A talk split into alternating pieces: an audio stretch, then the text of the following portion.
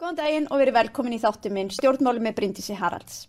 Við höldum áfram að ræða áhugaverð mál og nú ætla ég að ræða loftlagsbreytingar og svona öfgar í veðufræði og, eða í, í veðri og ég hef fengið hérna til mín góðan gest, þannig að Elinu Björk Jónasdóttur, veðufræðing hjá Veðustofi Íslands og þú hefur nú líka komið svolítið inn í stígin í umræðina um loftlagsmálin. Já, já, já. Hefur verið öflug til að mynda á Twitter, þar sem ég meðal annars fylgir og örglega fleiri. En sko nú erum við að sjá hérna, þú veist, búið að tala um þetta auðvitað í langa tíma, aukar í veðfari, þú veist, við erum annars verið að sjá hérna eh, skóarelda, svo erum við að sjá snjóflóð, örskriður, hverfylbili, flóð og allt þetta. Svo kemur allt inn á milli, þetta er alltaf sem eitthvað sem gerist á einhverju hundru ára fresti eða ég menna skóareldar er bara eðlilegt og allt þetta. En við erum samt sem aður að tala um meiri augar núna, er það ekki? Þetta er að Jú. gerast oftar og þetta er augakendar eða hvað? Já, og það, það er alveg eðlilegt Mm. að fólk sko verður ringlað, Mhm. þið veitir, af því við segjum náttúrulega í, í hérna aðra höndin einhvern veginn, já, þú veist, öfgari viðfari eru að aukast og hérna röndina segjum við, við getum ekki staðfesta nákvæmlega þetta veður hafi verið vegna loftslagsbreytinga. Nei, einmitt. Og það er auðvitað hérna bara til mark sem hvað kerfið er flókið. Mhm. Uh, sem sagt, þessi lofthjúpurinn og, og, og jörðin og allt þetta kerfið saman, bara Mhm. mm. jörðin okkar. Uh, jú, en sagt, það, það, það bendir allt til þess að sem sagt uh, skóareldar sé að versna, að fellibilir verði sterkari og, og sem sagt tjónnæmið orð, orðið mjög mikið þannig að þeir verða í raun og veru dýrari alltaf, bæði bara í hreinu peningum og mannslífum. Uh, og snjóflóð, uh, já, það hefur kannski, sko það er svolítið erfitt að, að tala um meiri eða minni snjóflóða því við erum líka orðin mjög duglegi þú veist að gera mannvirki og, Mhm. og svona, en skriðuföll vissulega hafa aukist og það er kannski það sem að við erum að finna fyrir hér. Já. Um, bara langvarandi hitabilgjur með herri hita heldur en, heldur en hefur sést áður er orðið algengara og við fáum einhvern veginn fregnir af verstu hitabilgjum alltaf ár eftir ár þetta gerðist ekki svona oft sko. Nei, nei. og jafnvel kuldakost, við erum að sjá þau líka þó þau séu aðeins öðruvísi í eðlisínu þá sjáum við þau líka og þau eru í raun og veru hluti af þessu, þessu öfgaveðufari þannig að kerfið sem slíkt er svolítið farið að reyðilast þannig að um, þau okkar sem voru ofsalega vön því að vera bara með fimpul kulda allan veturinn Mhm. fá kannski hlýjakabla inn á milli á meðan uh, ríki sunnar, til dæmis að norðukveli eru alltaf farin að sjá kuldapólla sem að voru ekki áður og það hefur, það tengist þó að okkur finnist að skríti varðandi þessar, þessar nattrænu hlínum. Sko. Já, en þannig að við getum sagt að þó að þú getur ekki sagt með hérna, einhverju vissu að sko, skriðuföll sem voru þarna eða örflóði eða flóði þarna sé beinar afleðingar loftlagsbreytinga Mhm. að þá er hægt að segja að öfgarnar eru augljóslega meiri Já. í veðufari. Já, og við getum sko, svo flækist þetta eiginlega ennþá meira því með sumarskriður getum við sagt þetta er afleðingar loftlagsbreytinga. Ok, Ef að það eru skriður sem eru, eru sem sagt, tilkomnar vegna þess að sífreyri í fjöllum er að bráðna, Mhm. að þá er það bein afleðing af því að loftslag er hlínandi. já, Og ef að skriðurnar eru að gerast í hlýðum sem að áður voru sko stuttar af skriðjöklum, Mhm. en nú hafa skriðjöklarnir hopað svo mikið að þeir stiði ekki lengur við hlýðina, Mhm. að þá er það líka bein afleðing af því að það er hlínandi veðufar. Ef að hins vegar það rignir mjög mikið Já. og það eru skriður á svæði sem áður eru þekkt skriðusvæði, að þá er erfitt að tala um að nákvæmlega eitt veður umfram annað Mhm. sé hérna loftlagsbreytingarnar en ef þú færð allt í einu sko fimm ári röð mikið skriðföllum eða tíu eða 15 ári röð það sem að gerist kannski áður á 50 ára fresti já, að þá getur við farið að leiða líkum að því að öfgarnar í úrkomunu sé að valda því að þarna sé að aukast En ef við tökum núna bara skriðuföllin á seyðisfyrði mm fyrra, hvað, hver eru orsök þess? Er það þekkt að þarna hafa fellið skriður áður? Já, það hérna hafa náttúrulega bæði fallið mjög stóra skriður og snjóflóð á Seyðisfyrði og Seyðisfyrði er einn, einn af þessum svona ofanflóða bæjum á Íslandi. Um, Seyðisfjörður og Neskupstaður og, og Siglufjörður og Ólafsfjörður hérna, Flatir í Súðavík veist, það, það eru fjölmargir svona staðir á landinu mhm, og, og þannig að það er þekkt. Já, það sem gerist í desember var til að mynda að það ringdi í staðin fyrir að snjóa þið já, sem er í fyrsta lagi mjög óvinnilegt mhm, það ringdi líka 700 mm á 5 dögum e, sem er sko meir en ársúrkoman í Reykjavík. Já, sætt. Uh, ég man ekki hvað það er í hlutfall af ársúrkomi á seðisverði af því það regnir alveg mikið á seðisverði en það er alveg tölvert sko og, og við getum sagt hort á stóra kerfið og hugsað okkur ok, þarna var aðstreyma mjög hlýjulofti sem var mjög rægt og, og kerfin voru svona læst þannig að það var engin reyfing þannig að bara seðisverði var í skotlininu alla þessa viku. Með óvinni röku og hlýjulofti og hlýraloft ber miklu meiri raka þannig að fyrir hverja gráðu sem að hitnar að þá er þetta svona 2-4% meiri úrkoma heldur en fyrir hlýnunina. Mm, ok, býtu, þetta, þetta var ekki, það er ekki sífriðar þarna sem að, hérna, Ekki þessum skriðum, ekki, þess, ekki þessum Nei. skriðum, nei. En þetta sem þetta er vissulega aflegginga því að þarna bara ringdi og ringdi og ringdi og ringdi í alla þessi daga. Og hérna og, og svo fjall svona þessi risastóra skriða og það er náttúrulega þetta er einhver svona þúsundur atbyrður og við getum ekkert sagt til um það hvort að hún hefði alltaf fallið eða þú veist hvort hún var á einhverjum tíma, komin einhver tíma eða eitthvað svoleiðis, við getum ekki, ekki sagt það en það sem við getum hins vegar sagt er að þessi ofbáslega rigning seint í desember er augljóslega ekki normal atbyrður á Íslandi Nei, akkurat, þannig að við vitum það já. En ég meina, nú voru líka skriðuföll hérna uh, fyrir norðan, bara Já, núna fyrir hvað, stuttu síðan? Já, bara núna í eitthvað? lok, Já. Og hver voru orsökinn þar? Það var líka svona öfga mikil rigning Já, um, og það á eftir að rannsaka það svolítið betur. Það er ekki sífrera skriður heldur. Þa, það er allavega að vitað. Um, vill til að sýstir mín er, er í þessum skriðuransóknum þannig að ég fæ þetta svolítið beint í æð Ok. en, hérna, en, en þá eftir að skoða aðeins betur sko, hverslega skriður það voru og, og hvað það er sem að gerist Mhm. og það þarf þarna til dæmis að skoða söguna sko, er þetta algengt? Af því það sjást þarna ummerkjum eldri skriður. Já, uh, og, og það er orðið mjög langt síðan þannig að kannski er þetta eitthvað sem gerist almennt á 100 ára fresti eða 200 ára fresti eða eitthvað. Við, bara, við vitum það ekki alveg um það því það er bara það skamt um liðið þá bara eftir að, að kafa betur. Ofan í þetta sko. Já. En sko þá hérna velti, hef ég velti fyrir mér í svolítið tíma sko, þú veist, eitt er við erum að tala um loftlagsbreytingar og, og ég vona við nú flest orðið sammála um það að, að þær eru til staðar og Einmitt. þær séu mannavöldum Já.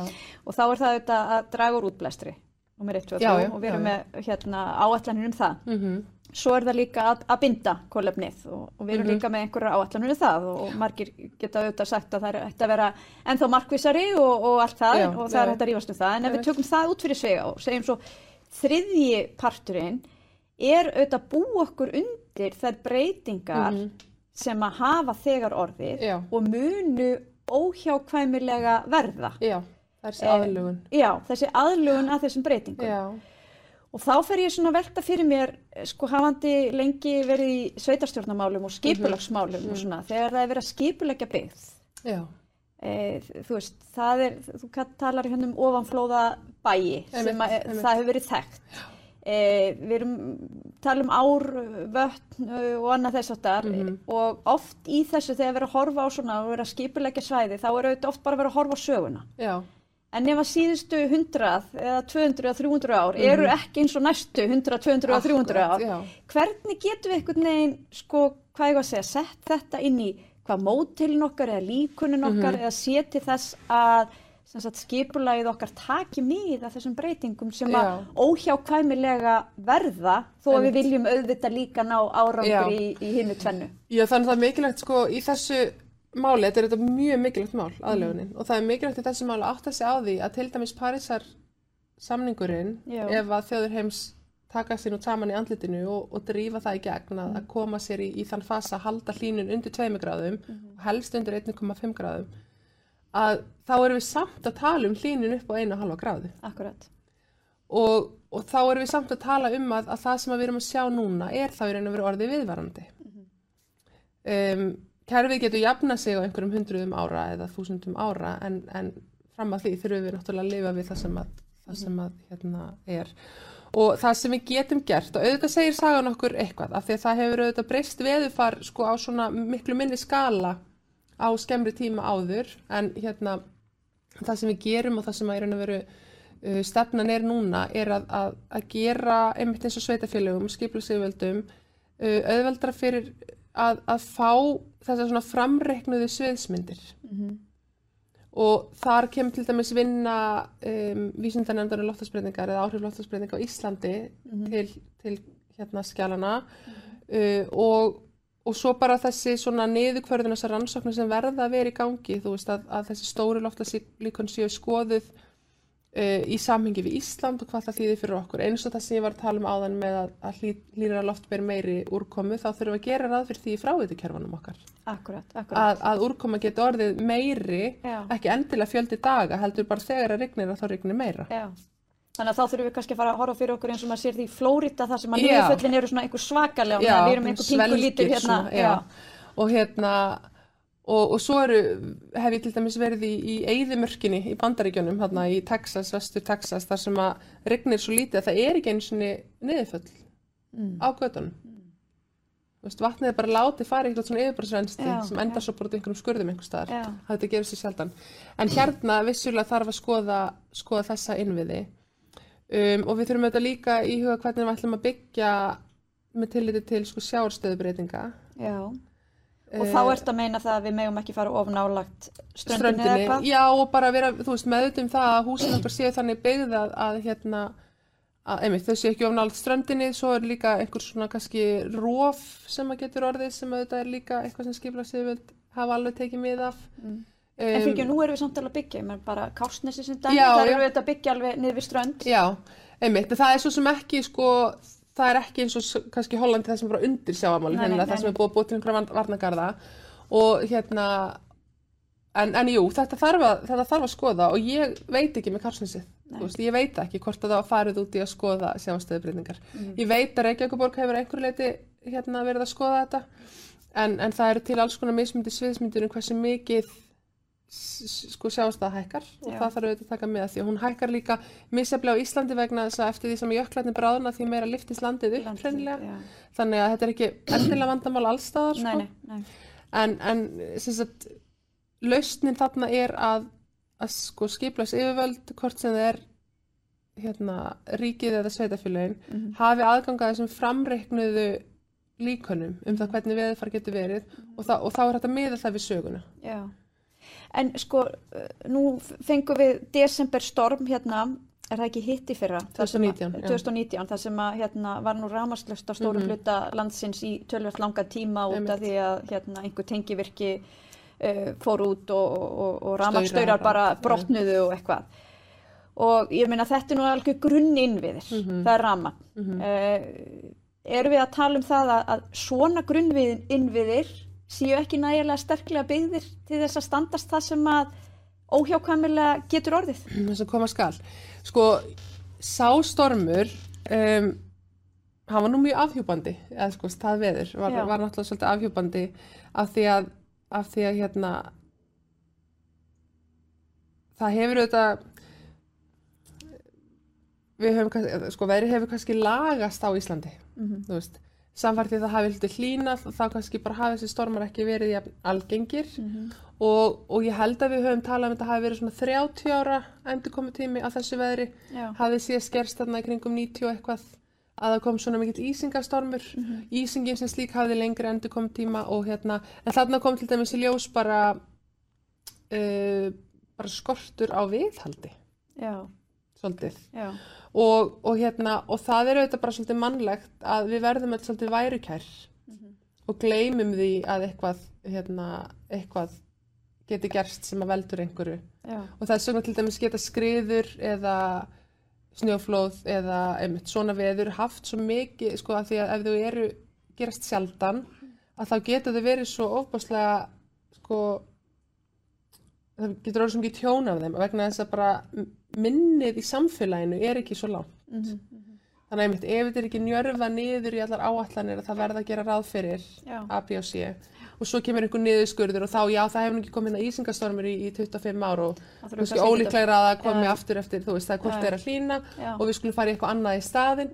Þannig að ég held að við þurfum þarna þarf bara að taka til endurskoðunar hvernig við hugsaum um þetta af því að, af því að hérna þó að til dæmis að sé hlýna og það kannski rignir frekar en snjói þá þýðir það ekki að það komi aldrei aftur nei, hörku vetur sko. Einmitt, og hérna uh, en, en það verður áhugavert að sjá. Ég hérna e, gátum þetta ekki og við, við lágum svolítið yfir þessu viðstofnu, við gátum í sjálf sér ekki fundið neitt svona greinilegt fótspor loftlagsbreytinga á þessu ákveðna veðri. Það var bara mjög svona klassískur, klassísk læð sem að hérna dýfkar norður að landi fær hlýtt loftu söður og kallt úr norðri og bara, og, þú veist, það var ekkert óheðbundið þannig við þessa læð, hún var bara mjög slæm og óvinnilega þýleiti, sko. En hérna, þannig að, að það er ekkert sem segir að þetta gerist á næsta ári en, en ekkert sem segir að þetta gerist ekki. Ekki, nei, ok, við, þannig við vitum ekki. En, en allavega ljóst, hvort sem að það eru að sko, völdum loftlagsbreytinga eða bara það að við búum hér Mhm. Já, á þessu svæði, Já. að þá þurfa innviðnir okkar að þóla svona áhlaup eins og Já. þarna varð. og, og það er bara, það, það er kannski ágætt fyrir okkur að muna við búum á Íslandi og hér verður náttúruvá á hverju ári. Já, Það er eiginlega alveg sama hvaða ár, það líður ekki það ár að við fáum ekki einhver snjóflóð, einhverja jarðskjálta, einhver eldgós, einhver vondveður, einhverjar auskriður, einhver flóð. Þú Veist, það er alltaf eitthvað. Og, og við verðum auðvitað að taka með að því og passa okkur að gleyma því ekki að við búum í þessu landi með þetta alltaf bakinu sko. já, Og svo þurfum við að hugsa til þess að með loftlagsbreytingum að þá getur í raun og veru alltaf þessu aukist. Það getur aukist allt í einu, eitt í einu, eitt aukist núna, annað einhvern tíma setna en við þurfum að taka með af því að það að þessi að hlýna í lofthjúpnum, það þýðir það ekki að hér verði bara miklu betri sumur og, og mildari vetur. Sko. nei, einmitt, það, einmitt. hérna, þýðir að við Þetta er þurfum að ekki lifa bara með eitthvað þessu. eitthva kósi hérna, þegar talað er um hérna, Nei, hlýnun. nefnilega ekki. Nei, Ekki. en mér langaði þess að koma inn á það sem nefndir áðan varðandi sífreða eða permafrost á ennsku og hérna, nú er þetta mál sem er mikið talað um í norðurslóðafræðin en ég er ekkit viss um að allir hérna úti sem eru að horfa vita endilega hvað áttir við þegar við erum að tala um sífreða. Já, sífriðan í Sýberíu og Já, ymmit, þetta, þetta er eitthvað svona fjarlægt svolítið. Getur Já. þú útskýrt það svona á mannamáli? Já, sífreri er bara staður þar sem að frost fer aldrei úr jörðu. Og nú er frostið að fara. Já, Á þessum stöðum. og þá er í raun og veru við getum bara hugsað okkur hérna um, brekku eða fjall eða, eða jafnvel bara lálendi, það skiptir ekki alveg máli, það bara fyrir eftir hvar við erum, hvað við erum norðarlega sko, en einhver staður á plándunni er alltaf, eru, eru sko hérna svæði, það sem er bara alltaf frost í jörðu, það hlýnar aldrei nógu mikið e, yfir nógu langa tíma til að frost fari alveg úr jörðu. Það kannski þiðnar eitthvað aðeins jarðvegurinn en svona neðri lögin þau eru bara alltaf alltaf frosinn og það má alveg segja bara jöklarnir okkar eru sífrerar af því að það er alltaf frost og það kannski bráðinni aðeins og verður svona slapp á yfirborðinu Já. að þá er alltaf frost Undir. undir og klakin er alltaf, alltaf náttúrulega klaki. Um, Og er þetta gerast á Íslandi? Það er að segja að sífriðar eru að, segjum að bráðnar. Bráðnar, já, Já, maður sífrið er bara bráðnar. bráðnar, Já, já. já, þetta er að gerast á Íslandi og þetta er að gerast mjög víða á norðurslóðum og, og hér er náttúrulega að hlýna miklu meira heldur en að meðaltali uh, og þannig að, að hérna þessi, það, já, þannig að það, nú er bara staðnum þannig að það er bara búið að hlýna nógu mikið til þess að á ákveðnum stöðum eins og í Sýberju, eins og sumstaðar í fjallslíðum á Íslandi um, í Norður Noregi og Lapplandi og á Grænlandi, þú veist, það sem fólk jafnvel og Alaska, það sem fólk jafnvel sko gerir ráð fyrir því á sínum búsetusvæðum að það sé alltaf snjór eða alltaf ís eða alltaf frost á einhverjum ákveðnum stöðum að, að nú er bara farið að hlýna nógu lengi einu á hverju sumri til þess að þessi sífreri er farin að gefa eftir. Já. Og maður eru þessi myndir af húsum í Sýberíu sem eru bara hann skökk, Já, sökva. sökka bara og hlutaðri og vegna þess að sí, sífriðar eru að, bráðna. Já. Er þetta eitthvað sem við getum farið að sjá meira af hér, þar að segja afleðingar þess að sífriðar eru að bráðna? já. Og hvers konar afleðingar eru það? Það er til dæmis þetta með skriðunar. Já, að, að, það er raun og veru vatn í þessum jarðvegi sem heldur öllu föstu saman því það er allt frosið og svo um leið að það rennur undan að þá, þá hérna, getur bara jarðvegurinn runnið með og svo eins og ég var að tala um áðan að, að í raun og veru sífreri til dæmis eru bara hópandi jöklar. Það, þú veist, þegar jöklarnir hópa þá fer frostið úr og hlýnar allt kring.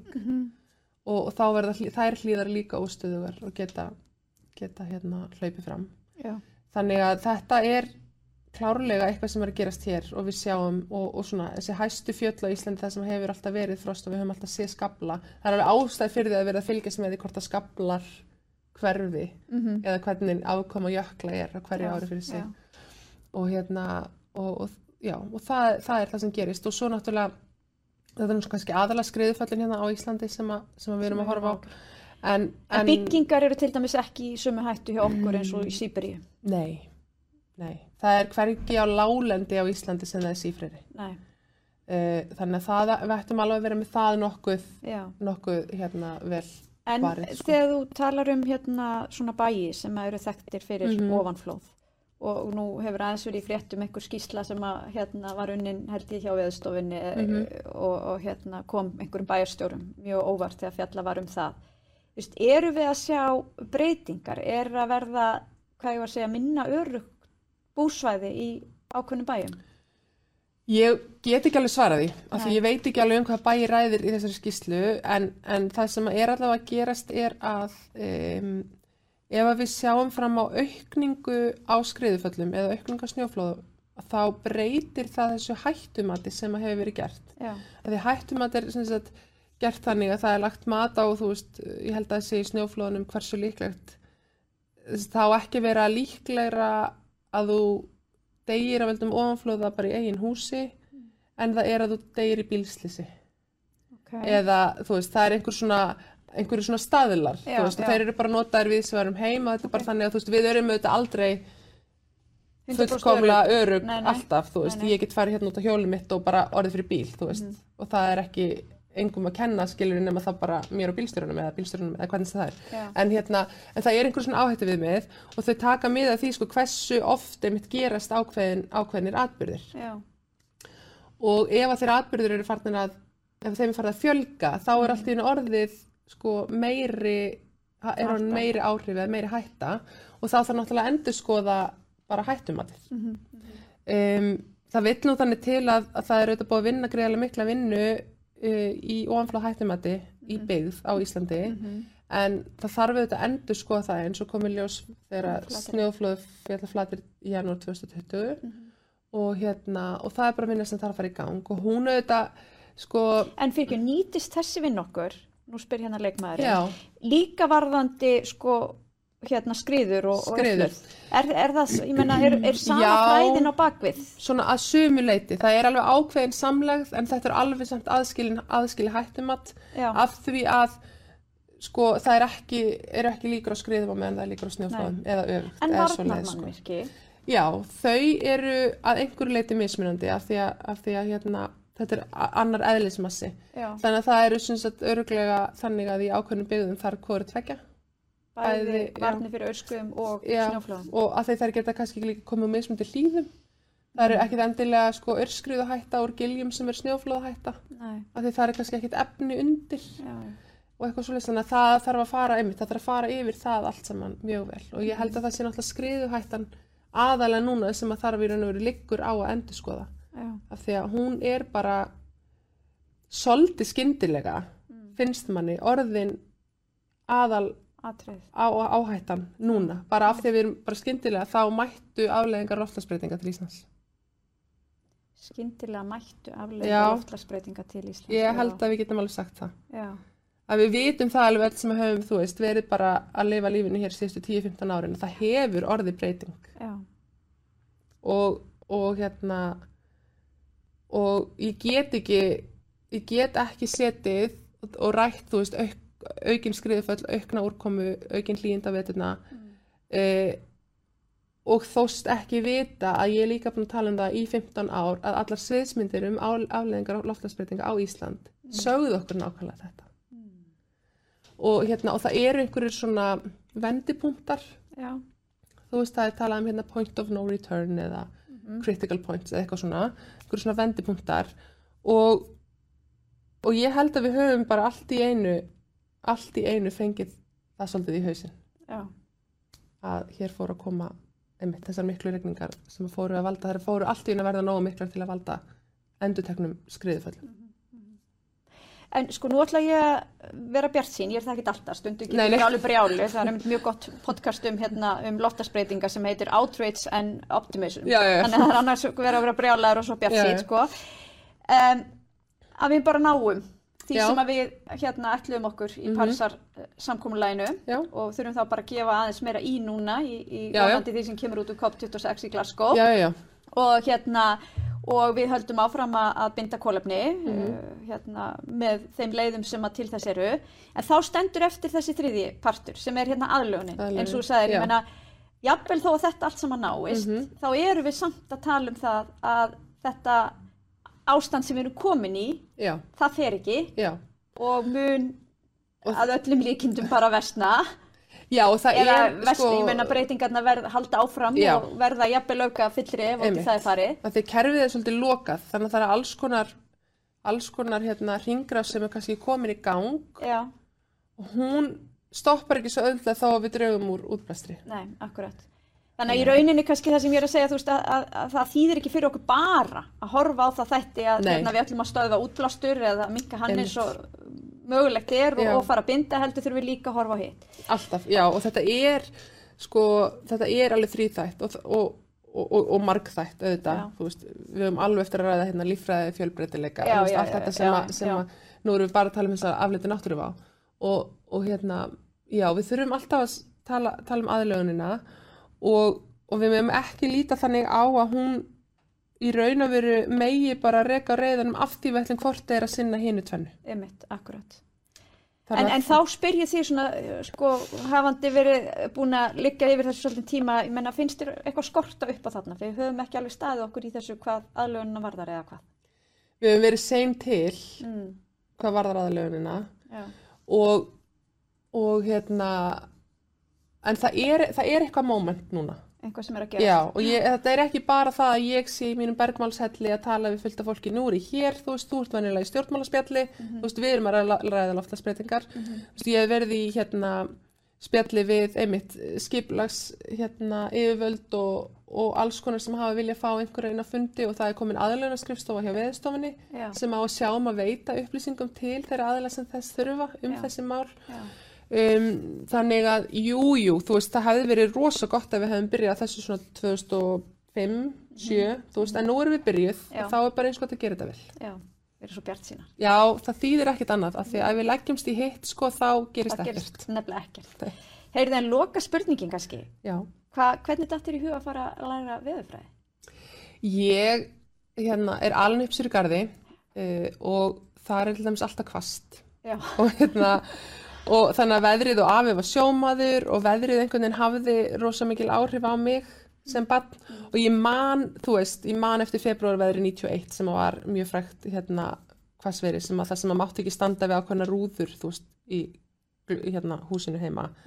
Um, ég man opbáslega vel eftir Súðavíkur og Flatara veðrunum og hérna og, og þetta samt sko, það var ekki þannig að ég færi úr grunnskóla ætlaði að verða veðurfræðingur sko nei, En svo fór ég í mentaskóla og tók, fór á Akureyri í mentaskóla og tók hérna veðurfræð áfanga og það var svona, það var svona eitthvað smáið sem gerðist þá og kennarinn sagði hérna, sko, þú veist, ef þið viljið vinna við svona praktisk náttúruvísindi eða praktisk eðlisfræði, þá er veðurfræði alveg snild, sko, Já. það þurfa allir alltaf að veðurfræðingum að halda. Já, ok.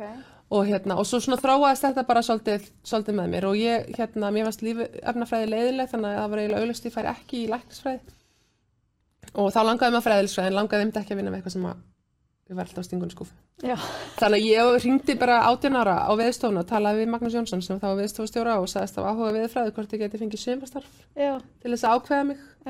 Og hérna, og ég fekk það þannig að, þannig að ég fór bara að vinna spátildinni á veðstofunni í, í sumarfríum frá mentaskóla Mm. og hérna og heitlaðist bara af öllu einhvern veginn sem að, sem að þar var, var En ég menna, varst eitthvað að hugsa um loftlagsbreytingar á þessum tíma?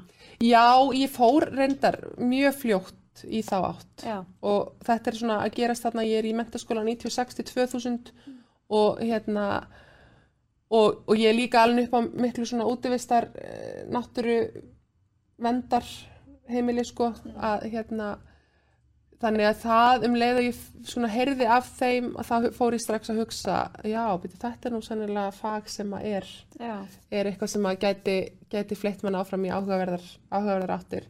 En svo hefur það reynda farið þannig að, sagt, ég er með BS-próf í veðurfræði frá háskólanum í Oklahoma og svo masterspróf frá háskólanum í Oslo og í báðum skólunum sagt, gerði ég sko veðurfars verkefni, Mm. svona loftslags hérna, lokaverkefni, en svo vinnan mín aðalega snúist um sko veðurspár og, og viðvaranir og, og samskipti og, og svona vísindamiðlun sko. En hérna, en það er bara frábært, þá bara fæ ég að í raun og veru hérna gera bæði sem er mjög gaman sko. Það er allt umkring. Og svo er sýstín sem er litla sýstir, er það ekki? Jú, litla sýstir, já, hún er Sigurðis Björg Jónasdóttir og hún er jarðfræðingur. Já. og hún er sem sagt skriðu og við Þannig er þetta umræðuefni svona í matabóðum á heimilinu? Já, já, já, já, alveg sko, við náttúrulega getum talað bara um vinnuna, við hefum búið saman og unnið saman og, og hérna, og við hérna, tölum alltaf um vinnuna að fá mjög góður hugmyndir, en hérna, jú, jú, svo hérna og sjómenn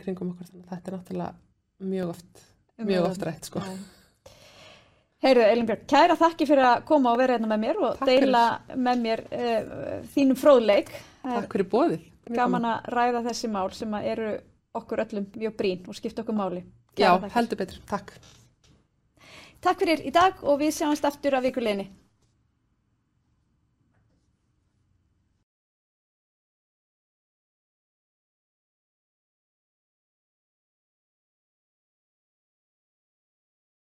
Þínum